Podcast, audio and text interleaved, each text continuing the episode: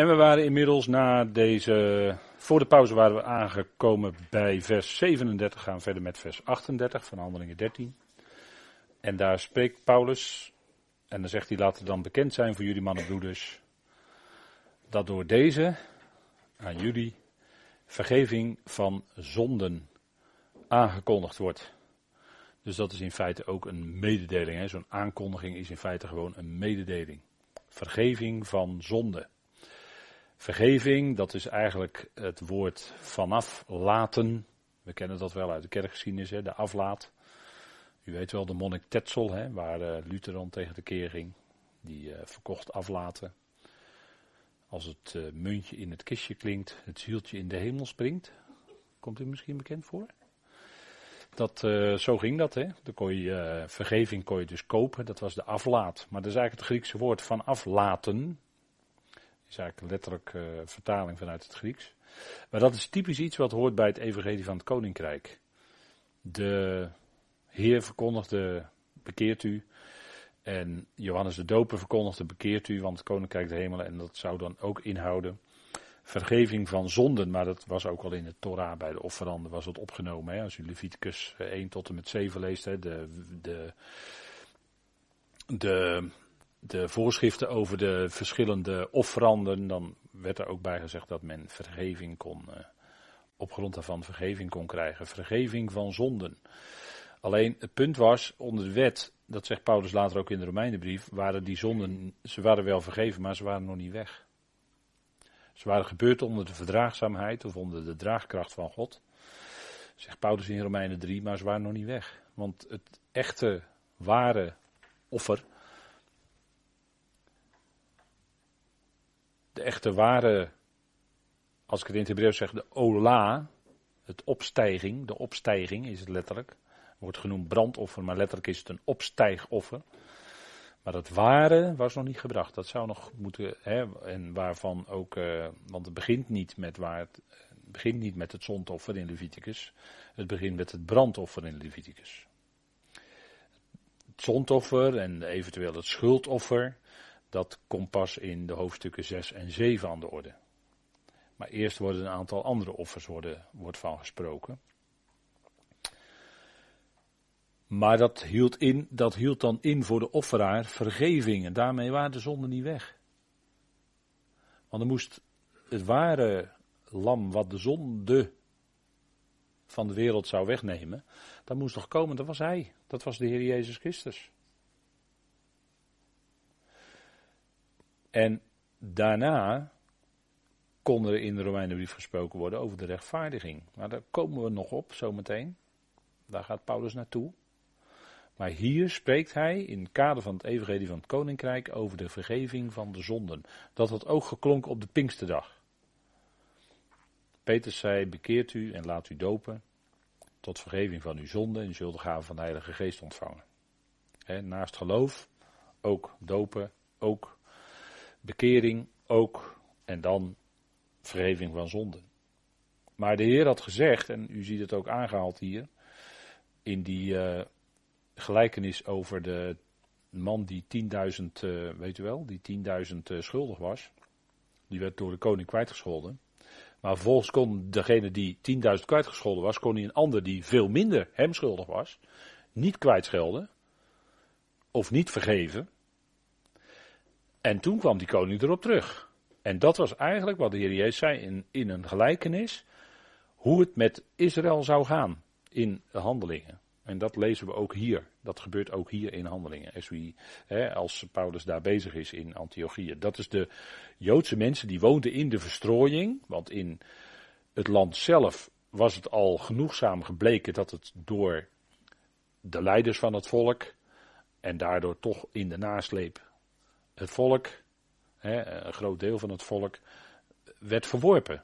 Dat, die vergeving van zonde. Dat aanbod van het koninkrijk evangelie van het koninkrijk werd afgewezen. En we gaan ook zien dat hier buiten het land, dus in de verstrooiing, ook hier wordt het koninkrijksevangelie verkondigd. Maar ook hier wordt het verworpen. Hier wordt afgewezen door de meerderheid. Maar hier wordt het wel door Paulus gepredikt. In zijn dienstwerk. In het kader van het evangelie van het koninkrijk. vergeving van zonde. Met de notitie daarbij, dat kan herroepen worden. En dat gebeurde ook daadwerkelijk in handelingen. Hè, aan het eind van handelingen 28, in handelingen 28 blijkt dat ook. Daar gaat, laten we zeggen, de deur van het koninkrijk voorlopig dicht.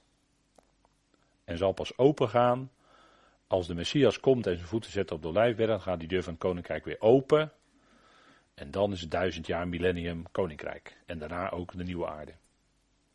Maar in handeling 28 gaat die deur dicht. Definitief. Voorlopig dan, we zeggen dan definitief, omdat de tijd van genade aanbreekt. De, de volle genade. En de gemeente het lichaam van Christus wordt geroepen.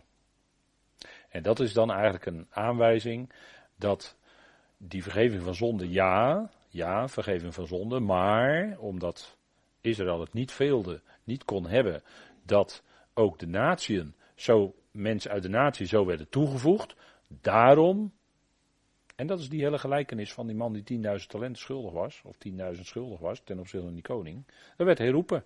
En die kreeg vele slagen. En dat is uh, van toepassing op Israël. Ik weet dat dat in, uh, in, in andere verkondigingen wordt dat heel, is in het verleden heel anders uitgelegd. want die werd dan met vele slagen geslagen en er zit dan een hele dreigingsleer achter. Dat is natuurlijk allemaal niet aan de orde voor, voor uh, mensen van nu. Maar dat sloeg op de situatie van het volk Israël toen in handelingen. Door deze wordt vergeving van zonden aangekondigd. En op zich is dat natuurlijk geweldig dat je zonden vergeven zijn. Dat God het laat gaan, om het zo maar te zeggen. Daar, daar moest iets op gebeuren. Daar moest een, laten we maar zeggen, een vergelding op komen, maar God laat het gaan. Op grond van de opgestane Christus. Op grond van het lijden en sterven en de opstanding van Christus. Vergeving van zonden. En dat was natuurlijk de enig juiste basis waarop vergeving van zonden gegeven kon worden maar toch kon dat weer teruggenomen worden. die kwijtschelding kon herroepen worden. Vergeving van zonde. Dus we zien hier heel duidelijk de lijn die Paulus volgt. In de, hij had verschillende soorten dienstwerk, om het zo maar te zeggen. Maar dit is dan het dienstwerk in het kader van het Evangelie van het Koninkrijk. En dan zegt hij, vers 39. En alles waarvan jullie in de wet van Mozes, en die voor hen heel bekend was natuurlijk. Hij sprak tot Joodse mensen in de Sjoel en uh, proselieten uit de natie. En van alles waarvan jullie in de wet van Mozes niet gerechtvaardigd kunnen worden, wordt een ieder die in deze gelooft gerechtvaardigd. En dit is een enorme stap verder dan de vergeving van zonde, want dit is de rechtvaardiging. Maar dit is, en dan moeten we toch weer de notitie maken, want Paulus verbindt dit met de wet. Hè? Hij zegt, alles waarvan jullie in de wet van Mozes niet gerechtvaardigd kunnen worden, wordt er ieder die in deze gelooft gerechtvaardigd. Verder gaat Paulus hier niet. Waarom niet? Omdat, dit, omdat hij dit zegt tegen een luisterend publiek, die, laten we maar zeggen, op dat moment nog het koninkrijk in zou kunnen gaan. Kijk, iemand als Abraham, die werd ook door geloof rechtvaardig gerekend door God. Maar Abraham kon geen idee hebben dat er zijn nageslacht moest komen en dat die zou moeten sterven aan het kruis en opstaan, had Abraham geen idee van. En toch wordt Abraham rechtvaardig gerekend. Hè? Toch wordt zijn geloof, wordt hij op grond van zijn geloof gerechtvaardigd, gerekend. Nou, in zekere zin is het hier aan de hand, alleen is hier is meer, veel meer licht en kennis aanwezig dan bij Abraham. Omdat Paulus hier natuurlijk spreekt over de Messias die gekomen is, gekruisigd en opgestaan. En toch wordt het hier verbonden met de wet.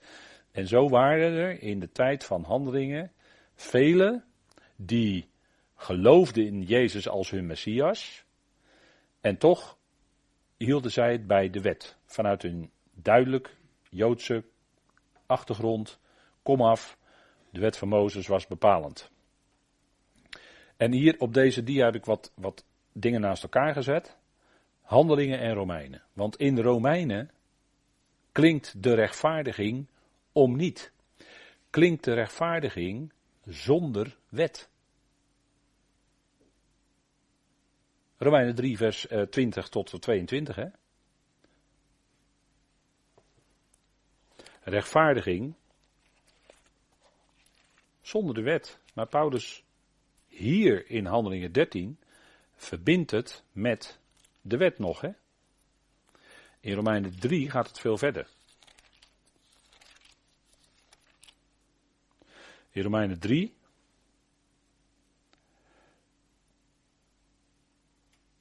heeft hij vastgesteld, ieder is een zondaar, ieder is een doelmisser. Ook degenen die onder de wet zijn. Die vallen net zo onder die categorie. Alles, iedereen. En dan zegt hij in vers 20 samenvattend: Daarom zal het werken van de wet geen vlees voor hem gerechtvaardigd worden. Want door wet is immers erkenning van de zonde. De wet, als die erbij komt, maakt het alleen maar erger. Kom je tot erkenning van de zonde. Maar nu is, en dan zegt hij in vers 21, maar nu is zonder de wet gerechtigheid van God openbaar geworden, waarvan, waarvan inderdaad door de wet en de profeet is getuigd, gerechtigheid van God door het geloof van Jezus Christus. En dat is wat Paulus hier in Handelingen 13 niet sprak. En dat is tot in allen, ja, het is daadwerkelijk voor en komt tot in allen, maar komt nu op of over allen die geloven. Tot allen, ja zeker. Zeker, het is universeel. Alleen komt nu op allen die geloven, want er is geen onderscheid. Want alle hebben gezondigd en missen de heerlijkheid van God en worden om niet gerechtvaardigd in zijn genade door de vrijkoping in Christus Jezus. Nou, dit is helemaal voluit genade, overstromende genade, wat Paulus hier bekend maakt. En dit is een hele andere setting, om het zo maar te zeggen, in de Romeinenbrief, dan in Handelingen 13. Want daar geeft Paulus eerst aan vergeving van zonde. En dan gaat hij nog een stapje verder. Ja, jullie geloven. En op grond van dat geloof, ja, eh, rechtvaardiging, gerechtvaardigd. Maar dat is voor alles wat, waaraan jullie niet konden voldoen van de wet. Dus wordt het nog verbonden met de wet van Mozes. Dus dat is een, laten we maar zeggen, uh, Romeinen 3 is qua genade een veel hoger niveau. Om het zo maar te zeggen. Als ik zo mag spreken, over wetgenade, zo niveau. Dus hier wordt gesproken over rechtvaardiging in verband met de wet. Wordt gesproken over vergeving. Maar bleken zij later, als Paulus dan in Jeruzalem komt, dan zegt Jacobus tegen hem, of de, degene die bij Jacobus, van Jacobus zijn, die zeggen dan dat, hoeveel, dat er vele tienduizenden gelovigen zijn hè, uit, de, uit, uit Israël, maar ze zijn allen ijveraars van de wet. Wordt dan gezegd tegen Paulus. Dus ze kenden wel de vergeving van zonde en ze kenden zelfs wel wat Paulus gepredikt had, eh, rechtvaardiging. Want dat geloof, hè, dat maakt de wet al duidelijk, Genesis, hè, de Torah, maakt dat al duidelijk, rechtvaardiging door geloof. En toch, allemaal ijveraars voor de wet. Dus nog steeds met de wet erbij. Hè. En dan gold er ook vergeving. En vergeving veronderstelt nog steeds, tussen aanhalingstekens schuld, want dat woord schuld is altijd een beetje lastig omdat het in, het, eh, in de Griekse schrift eh, in verband met de redding, in verband met het heil, wordt, wordt er eigenlijk niet gesproken over schuld. Het woord schuld wordt niet gebruikt, laat ik het zo zeggen. En wordt ook Mozes genoemd. Hè? En hier zet Paulus in wezen ook Mozes en Christus in zijn betoog uh, tegenover elkaar. Dus hij scherpt het al wat aan. Alleen hij kan nog niet, hè, hij, hij zegt nog niet wat hij in Romeinen zegt. In Romeinen is het de rechtvaardiging zonder de wet is er totaal geen sprake meer van ijver, ijver, voor de wet of wat dan ook. Of dat wij nog aan de wet moeten voldoen. Of het is helemaal zonder de wet. Paulus zegt los van de wet. Hè. Daar zit uh, het woord ja, zonder of los van. Dat is eigenlijk een woord dat letterlijk betekent dat er ruimte tussen zit. Er zit een lege ruimte, er is gewoon een ruimte tussen. Dus dat is niet met elkaar verbonden. dat is eh, onafhankelijk van elkaar. Het staat helemaal los van elkaar. Dus die rechtvaardiging door het geloof van Jezus Christus want dat is eigenlijk de enige, dat is de juiste grond als het gaat om geloof. Zijn geloof. En het is genade, rechtvaardiging om niet. In zijn genade. En het is rechtvaardiging door zijn bloed. Romeinen 3. He, altijd drie, die drie facetten. Rechtvaardiging door het geloof van Jezus Christus. Rechtvaardiging is op grond van genade. En rechtvaardiging is door zijn bloed. Die drie facetten worden in Romeinen genoemd in verband met de rechtvaardiging. Dus daar wordt ook niet gesproken over schuld, zonde. En we hebben in de Efezebrief stilgestaan bij het verschil tussen de rechtvaardiging van de zonde, weet u wel, de overledene of de gestorvene, wie gestorven is, is gerechtvaardigd van de zonde af, hè? gerechtvaardigd van de zonde af.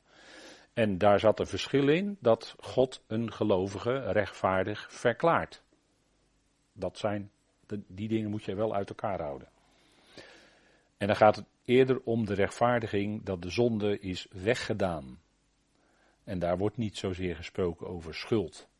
dat wordt theologisch in de uitleg vaak wel ingeschoven, het begrip schuld. Maar in wezen wordt er alleen gesproken over zonde en zonden in verband met rechtvaardiging. En zo zouden, dat zouden we ook zingen. Er is een lied, en daar stoor ik me altijd een beetje aan, sorry. Maar er wordt altijd gesproken over schuld. En dan zing ik altijd zonde. Ja, ik eh, ben misschien eigenwijs of zo, of uh, te rechtlijnig, ik weet het niet. Maar goed. In ieder geval, die rechtvaardiging, als er gerechtvaardigd is, en dat is dan ook door Paulus wordt het ook wel gebruikt als een wat meer juridisch begrip. Bij vergeving wordt er nog schuld verondersteld die kwijtgescholden kan worden en kan nog op teruggekomen worden.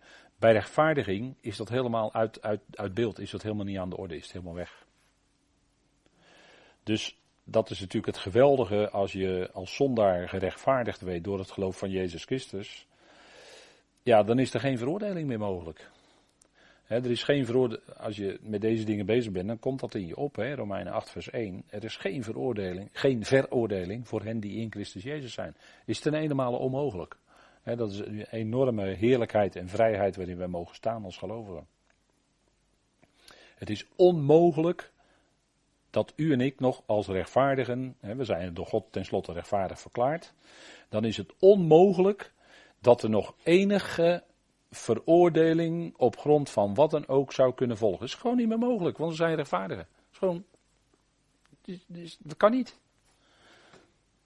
Dus dat is natuurlijk het heerlijke van het evangelie. Hè? En ik, ik hoop dat u vanavond dan met die blije gedachten gaat slapen. Kijk dan uit zegt Paulus, dat niet over jullie komt, wat uitgesproken is in de profeten. Want kijk, zij, zij hoorden een boodschap, en dat, dat, misschien mag dat ook wel eens gezegd worden. Maar kijk, je hoort een boodschap uit Gods woord, hè? je hoort Gods woord. En als je Gods woord hoort, dan op een of andere manier komt dat in je oren en dan roept dat iets bij je op. Ga je daar nou op in? Of wijs je dat af? Er wordt ook wel eens gezegd, als Gods woord gehoord wordt, dan stelt dat mensen toch op een of andere manier voor een keuze. Dat is ook zo. En het woord keuze is dan misschien wat ongelukkig, maar toch, eh, eh, je kan ook zeggen, wat doe je ermee? En dat is wat hier ook aan de orde is. Hè? Kijk dan uit dat niet over jullie komt wat uitgesproken is in de profeten. En natuurlijk, ze wisten ze, zaten op de oren gespitst. Profeten kenden ze natuurlijk. En hier sprak toch een, geleerde hoor. Paulus was natuurlijk een geleerde hè, in, in de schriften. Dat was doorkneed in die tenag. En hij had nog aanvullend onderwijs gehad van de Heer, de Heer zelf ook. En al wat op hem betrekking had, had hij onderwezen gekregen. Persoonlijk, van de Heer zelf. want Paulus zegt toch dat hij niet van mensen had ontvangen. niet dus door de twaalf, maar ook niet van een mens, niet door Petrus. Nee, hij had van de Heer zelf ontvangen. Door de openbaring van Jezus Christus. Zegt hij in de gelaten brief, gelaten 1. Hij was doorkneed in de schriften. En nu wist hij dat al die dingen in de schrift hadden betrekking op hem, op die Heer die hij ontmoet had tot op de weg naar Damascus. Ah, dat is geweldig, hè? En dan haalt hij aan, Jezaja 28 vers 14, iets, en Habakkuk 1 vers 5. En er staat, neemt waar, veracht dus, en verbaas je en verdwijnt. Want de want een werk werk ik in jullie dagen, een werk dat jullie in geen geval zouden geloven, in geval iemand het omstandig zou verhalen aan jullie. Dus hij roept die opmerkzaamheid van zijn luisteraars hier. Hè? Neemt waar, en als jullie dat woord verachten, dan zegt hij, nou verbaas je dan over het woord en verdwijn. Want een werk, een wonder, hij zou een wonderlijk werk doen, een werk in jullie dagen, en dat heeft dan te maken met die dagen waar Paulus dan in was. En dat grote werk, wat Habakkuk en wat Jezaja aankondigen, was natuurlijk het werk wat God aan Israël zou doen en via Israël voor de natieën. dus hier geeft Paulus ook wel al een doorkijk naar de natie toe. Maar dan wel vanuit de achtergrondgedachte dat het via Israël, en dat blijkt ook uit het vervolg hoor, wat Paulus verder nog aanhaalt, maar dat, dat het via Israël zou zijn. Dat het wel degelijk bij de natie. En in die shul daar zaten Joden en proselieten te luisteren. Dus die proselieten waren ook uit de natie, dus daar was al van toepassing. Hè? Maar hij zegt, neemt waar verachters. En in Jezaja 28 vers 14, daar doet Jezaja ook zijn beklag over het volk. Hè? Dat ze wel dat woord hadden ontvangen, maar ze hadden, een, hadden een tafel die had eigenlijk rijk gedekt moeten zijn met wat God hen gaf. Maar het was eh, die tafel was gevuld met drek, zegt Jezaja gewoon in Jezaja 28. Want hij zegt, ja, jullie hebben dat woord wel ontvangen, maar voor jullie is dat woord geworden gebod op gebod, regel op regel, hier wat, daar wat. Jullie hebben dat allemaal heel erg wettisch ingevuld. En dat zouden ze nog, um, dat deden ze nog meer toen uh, in, in Babylon. Hè. Toen kwam ook de Babylonische Talmud enzovoort tot stand. Hoe je dan de Torah moet uitleggen, al die discussies tussen die rabbies. Nou, de Talmud, ja, dat, is, dat gaat heel ver hoor soms, maar goed. Dat is dan die overleving, dat is die traditie die er dan bijgekomen is. En daar, daar, doet Jezaja, daar gaat Jezaja scherp tegen in.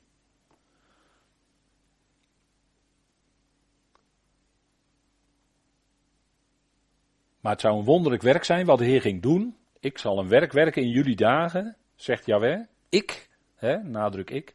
Ik werk een werk in jullie dagen. En voor jullie is dat bijna onvoorstelbaar. Dat ik zoiets zou gaan doen. Dat ook vrij voor de natie. Ja. En daar moet een respons op komen. En terwijl ze nu naar de uitgang begaven, spraken zij hen aan, opdat in de tussensabbat tot hen ook deze uitspraken gesproken zouden worden. Hè, tot hen deze uitspraken gesproken worden. En nu komen we weer een merkwaardige uitdrukking tegen. We hadden al in vers 14 hadden we de uitdrukking de dag van de sabbatten, weet u wel.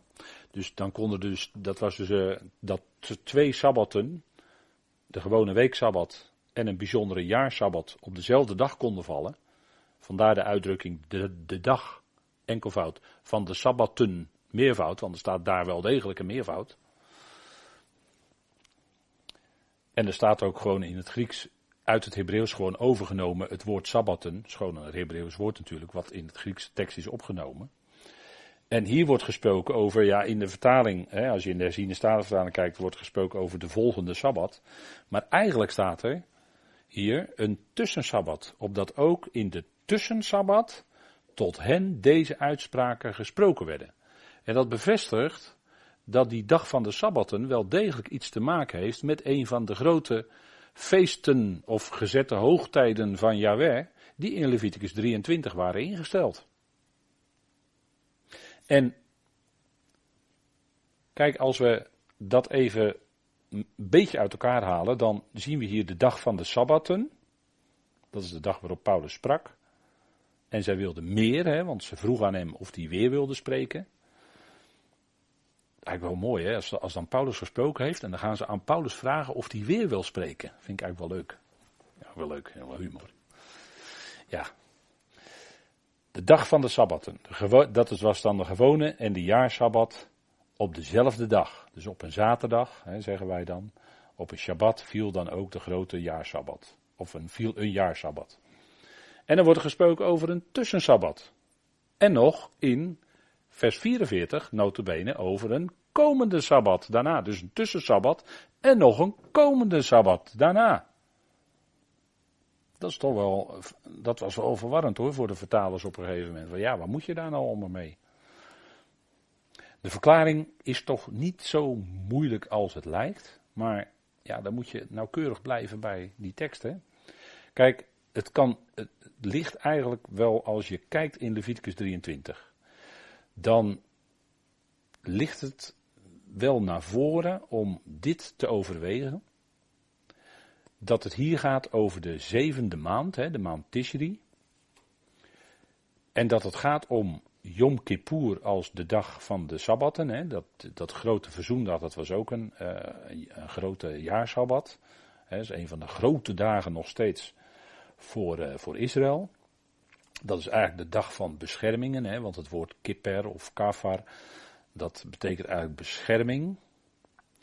En dat moest plaatsvinden op de tiende van de zevende maand. En dat was dan in dat geval de dag van de Sabbaten. Want wat kreeg je vijf dagen daarna, op de vijftiende van de zevende maand, van de maand Tishri, kreeg je Sukkot. Kreeg je loofhutten. Dus dat is dan weer, die vijftiende was weer zo'n Sabbat, waarop ze geen enkel dienstwerk mochten verrichten. En dat was dan de tussensabbat. En waarom wordt hij zo genoemd? Nou, hij lag tussen twee gewone weeksabbatten in. Dus dan heb je een tussensabbat. Heel eenvoudig te verklaren hoor, op deze manier. Helemaal niet zo gek. En kijk, Loofhutten, er komt nog iets bij. Loofhutten is het feest van de inzameling. Hè. Is natuurlijk ook een oogstfeest. Net als uh, Shavuot. Hè. Net als uh, de periode van uh, de, de beweeggarven. Dat had dan te maken met de gerstenoogst. Ook een, in, in zekere zin een inzamelingsfeest. En dan had je later Shavuot, het wekenfeest, Pinksteren. En dat was in feite ook, had ook te maken met de oogst, met de oogsttijd. Ook inzameling. En op die prediking van Petrus kwamen velen tot geloof. Kwamen velen tot bekering. Dus dat was een inzameling, dat was als het ware een vroege oogst uit Israël. Dus een heel mooi plaatje is dat sowieso. Hè? Maar had je hier de zevende maand en dan die tussensabbat, de vijftiende van de zevende maand, dan begon Sukkot. En daarna kreeg je natuurlijk weer de gewone weeksabbat. En dat was dan de komende sabbat uit Handelingen 13 vers 44. En dan heb je het prachtig op een rij, denk ik. En dan voldoe je precies aan de exacte formuleringen zoals die in de grondtekst staan. Dat wil ik wel heel nadrukkelijk hierbij vermelden.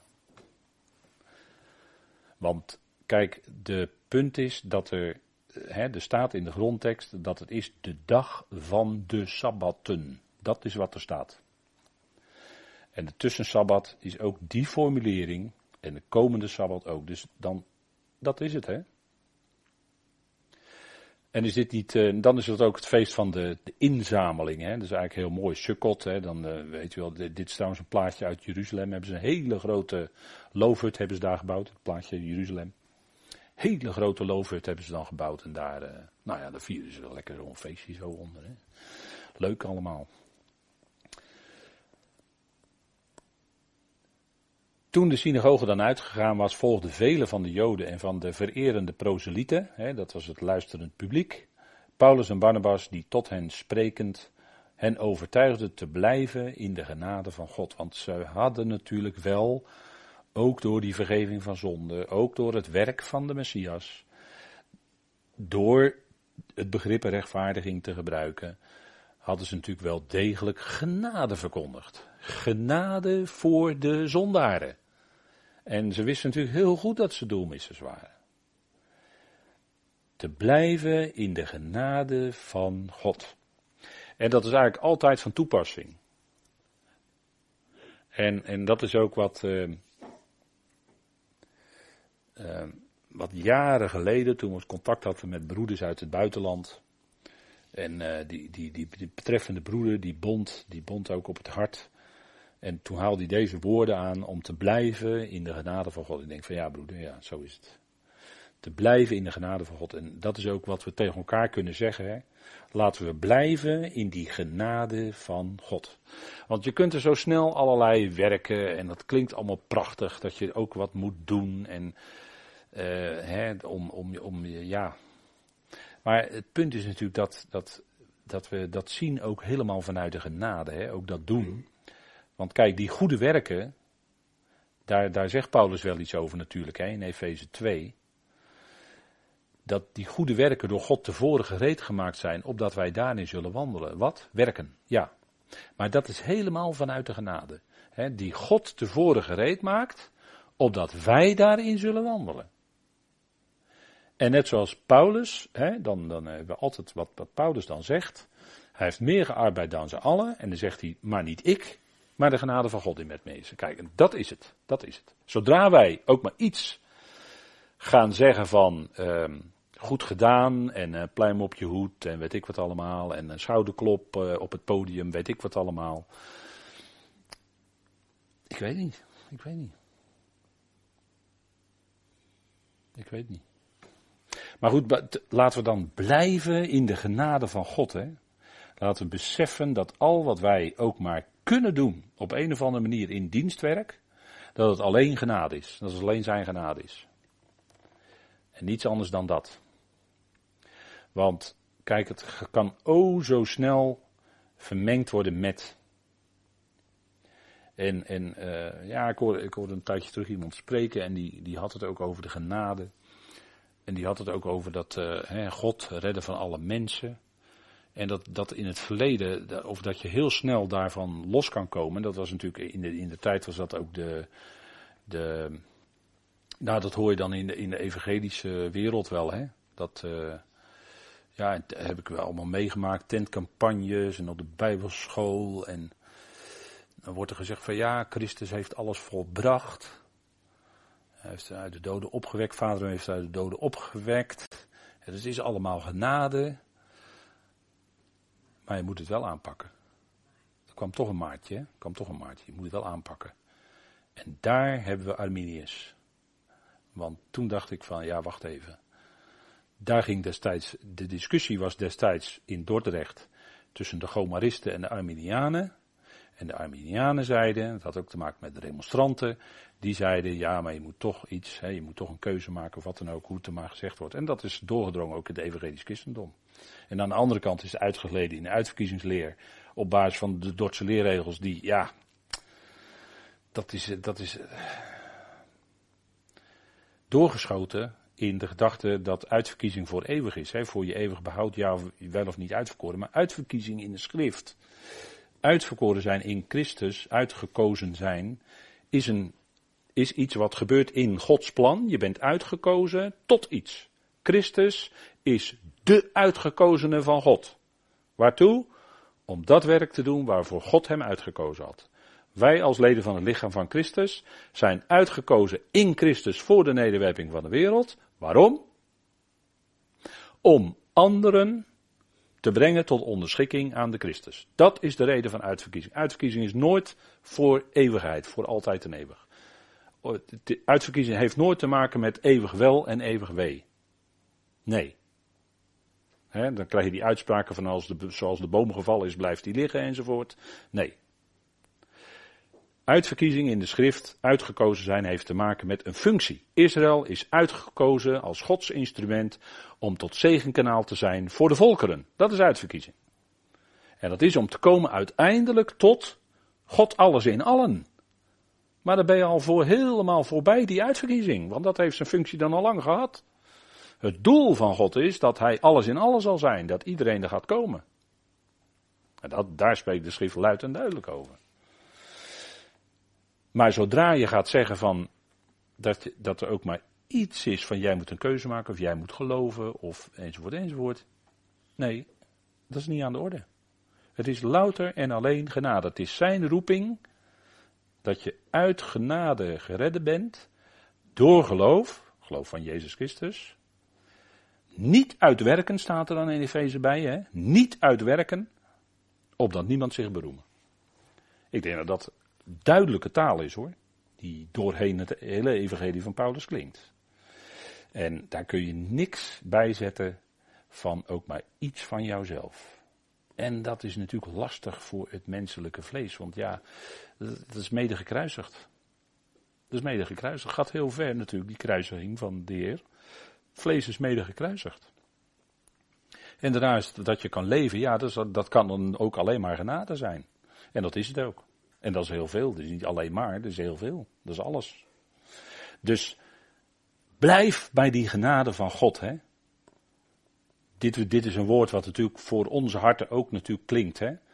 dat we zouden blijven in de genade van God. Want daar gaat het allemaal om. Dat is de grondtoon van het evangelie van Paulus.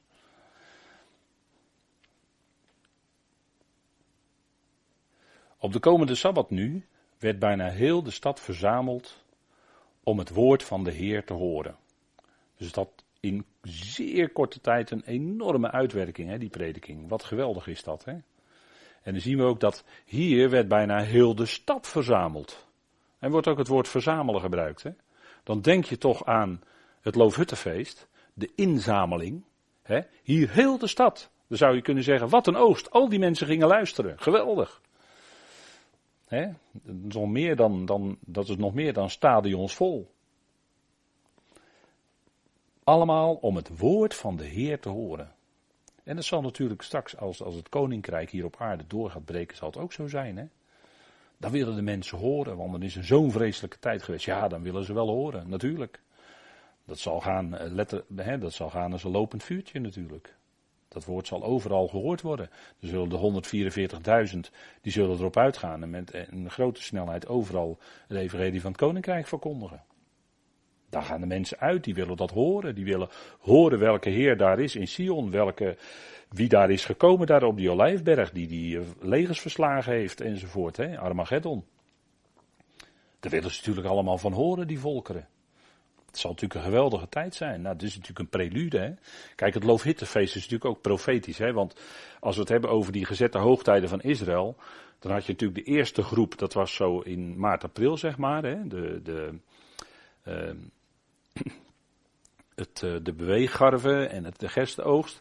En had je de tweede groep, gezette hoogtijden, die was dan in de zevende maand. Daar zat een hele periode tussen. Nou, die, die, die periode daartussen, die wijst eigenlijk profetisch op die tussentijd waarin de gemeente het lichaam van Christus geroepen wordt.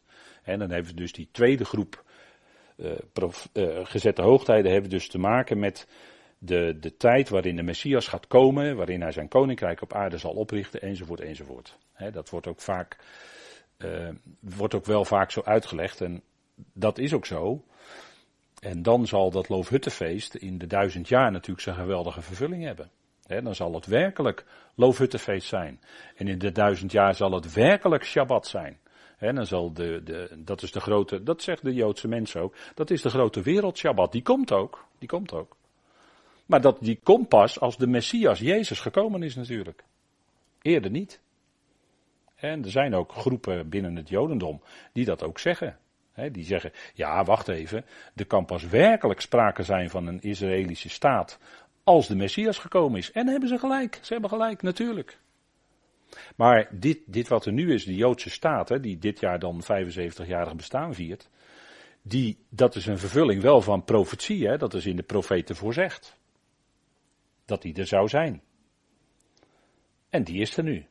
En het is een opstap naar dat de Messias gaat komen, natuurlijk. Maar dat is natuurlijk het, het lotdeel wat God aan Israël gegeven heeft. Het land is van hem en hij geeft het aan Israël. Nou, dan ben je in één zin ben je klaar. Dan hoeven al die eh, VN-vergaderingen niet plaats te vinden hoor. Kan je gewoon het woord van Yahweh, kan je, kan je ze voorhouden. Kijk, dit heeft hij gezegd. Dat land, is, dat land is van hem en hij heeft het aan Israël gegeven. Nou, ben je klaar. Niks te, niks te negatieve resoluties tegen Israël enzovoort. Hè, waar Leon de Winter uh, van de week over schreef in de Telegraaf. Dat is een goede column. Leon de Winter, Telegraaf, over 75 jaar bestaan. Hij wil zich warmen aan het wonder. Hè, zo heette die column. Prachtige column. Eh. Want Israël wordt veroordeeld door heel veel VN-resoluties. Maar dat komt omdat de geest die daar doorheen werkt, is tegen God. En dus ook tegen Israël. En daarom komen al die negatieve resoluties. Ja, dat is 1 plus 1 is 2. Dat is ook allemaal niet zo moeilijk, hè? Maar nu, ja, 75 jaar, ja, ja, oké, maar het is een Joodse staat en het is ongeloof. Het is in ongeloof. Helaas moeten we dat constateren. Er zit geen geest in. De geest van Yahweh is niet in de hele staat Israël aanwezig. Er zijn wel Joodse mensen die daar zijn en in Jezus als in de Messias geloven. Die groepen zijn er wel in Israël. Maar als geheel, de regering enzovoort, Nee, daar zit, daar zit niet de geest van God in. Dat is ongelovig. Die, uh, die varen helemaal op hun eigen politieke inzichten. Hun eigen politiek-sionistische inzichten enzovoort. Maar als, pas als de Messias Jezus komt, pas dan wordt het echt Israël. Pas dan wordt het echt oprecht met God. Dan is Jacob voorbij, want Jacob is de naam nog van zijn, laten we maar zeggen, nog eigen weggetjes willen gaan. Maar als het Israël is, en dat is manke Jacob, maar dan is het wel Israël en dan is het op weg, hè, dan is het op weg en oprecht met God. Of vorst met God, zo kan je het ook vertalen, het woord Israël. Maar dan wel, dan is, er zit er ook El in, hè. El, onderschikker of beschikker.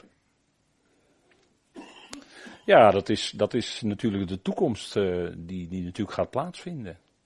en dat is wat, uh, dat is natuurlijk het geweldige uitzicht. Als hij zijn voeten zal zetten op de Olijfberg, zijn doorboorde voeten, dan is het uh, over en uit met de tegenstander, met de antichristen enzovoort. Dat is afgelopen. Dan gaat er een andere tijd aanbreken. De grote wereldsabbat gaat dan komen. Eindelijk rust voor die onrustige volkerenzee. Die kan heerlijk tot rust komen. En die kan dan ook, hè, waar we eerder over spraken vanavond, vanuit uh, Psalm 2, uh, toevlucht nemen tot Hem. Wel gelukkig is Hij, en dat geldt ook voor alle volkeren, als een volk de toevlucht neemt tot Hem, de Messias Jezus, ja, dan ben je wel en gelukkig. Dan vaar je daar wel bij, om het zo maar te zeggen. Als volk. En dat is geweldig, hè? Bijna heel de stad verzameld om het woord van de Heer te horen. Is geweldig, hè? Ja, prachtig, die tijd. Een uh, grote menigte die het woord van de Heer wil horen. Dat is natuurlijk geweldig iets als dat gebeurt. Dan werkt de geest, dan werkt God. En dat is fijn. Goed zullen we de Heer daarvoor danken. Vader, we danken u dat we zo uh, vanavond deze dingen met elkaar mochten overwegen. Dank u voor Paulus die sprak in Antiochië. En dat we daar later dat kunnen teruglezen, wat hij allemaal gezegd heeft. En hoe de roeping uitging, de liefdestem van uw vader, naar die mensen daar. Dank u wel dat u met uw geliefde volk Israël tot uw doel gaat komen. Terwijl ze nu nog onder druk staan door allerlei politieke bewegingen en ze zullen nog onder grote druk komen te staan, vader, in de toekomst. In de nabije toekomst. Maar dank u wel dat u ook met hen tot uw doel zult komen, dat ze weer zonen van de Allerhoogste zullen zijn. En licht van de natieën, zoals u het hen hebt toegezegd. Vader, dank u wel dat wij ons met hen mogen verheugen. En dat dan ook zullen doen van bovenaf, en we danken u, Vader, dat u ons een hogere roeping heeft gegeven in Christus Jezus, te midden van de hemelsen. Dank u wel dat wij mogen meewerken in dat plan van u om die hemelse machten en krachten onder de voeten van de Christus te brengen, tot onderschikking te leiden, verzoening te prediken, genade te tonen. Vader, het is een en al heerlijkheid wat wacht. We danken u dat we daarna uit mogen zien. Een geweldige verwachting geeft u ons, Vader, en daar, daar verheugen we ons in. Daar zijn we blij mee. Vader, dank u wel dat we onze toevlucht kunnen nemen tot u, tot uw zoon. En dan is het goed, dan vinden we rust voor ons misschien soms onrustig hart. Vader, dank u wel dat u uw woord spreekt en dat wij nu al ingegaan zijn in de rust van het geloof. En dat we mogen rusten in het volbrachte werk van uw zoon. Vader, dank u wel dat u hem hebt opgewekt en dat er garantie is dat ieder zal komen. Vader, we danken u daarvoor. We danken u voor die heerlijkheid, voor die liefde, voor die trouw van u. Al die beloften, ja, ze zijn ja en amen in uw zoon. We danken u daarvoor. In zijn naam. Amen.